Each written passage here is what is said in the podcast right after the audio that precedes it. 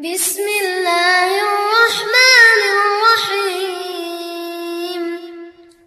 قل أعوذ برب الفلق من